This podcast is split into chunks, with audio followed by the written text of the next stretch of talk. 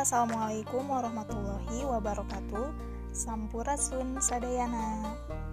Di kehidupan kita, kita pasti telah mengalami berbagai banyak hal. Dari jumlah miliaran manusia yang ada di dunia ini Tentunya kita mempunyai sudut pandang atau opini yang berbeda.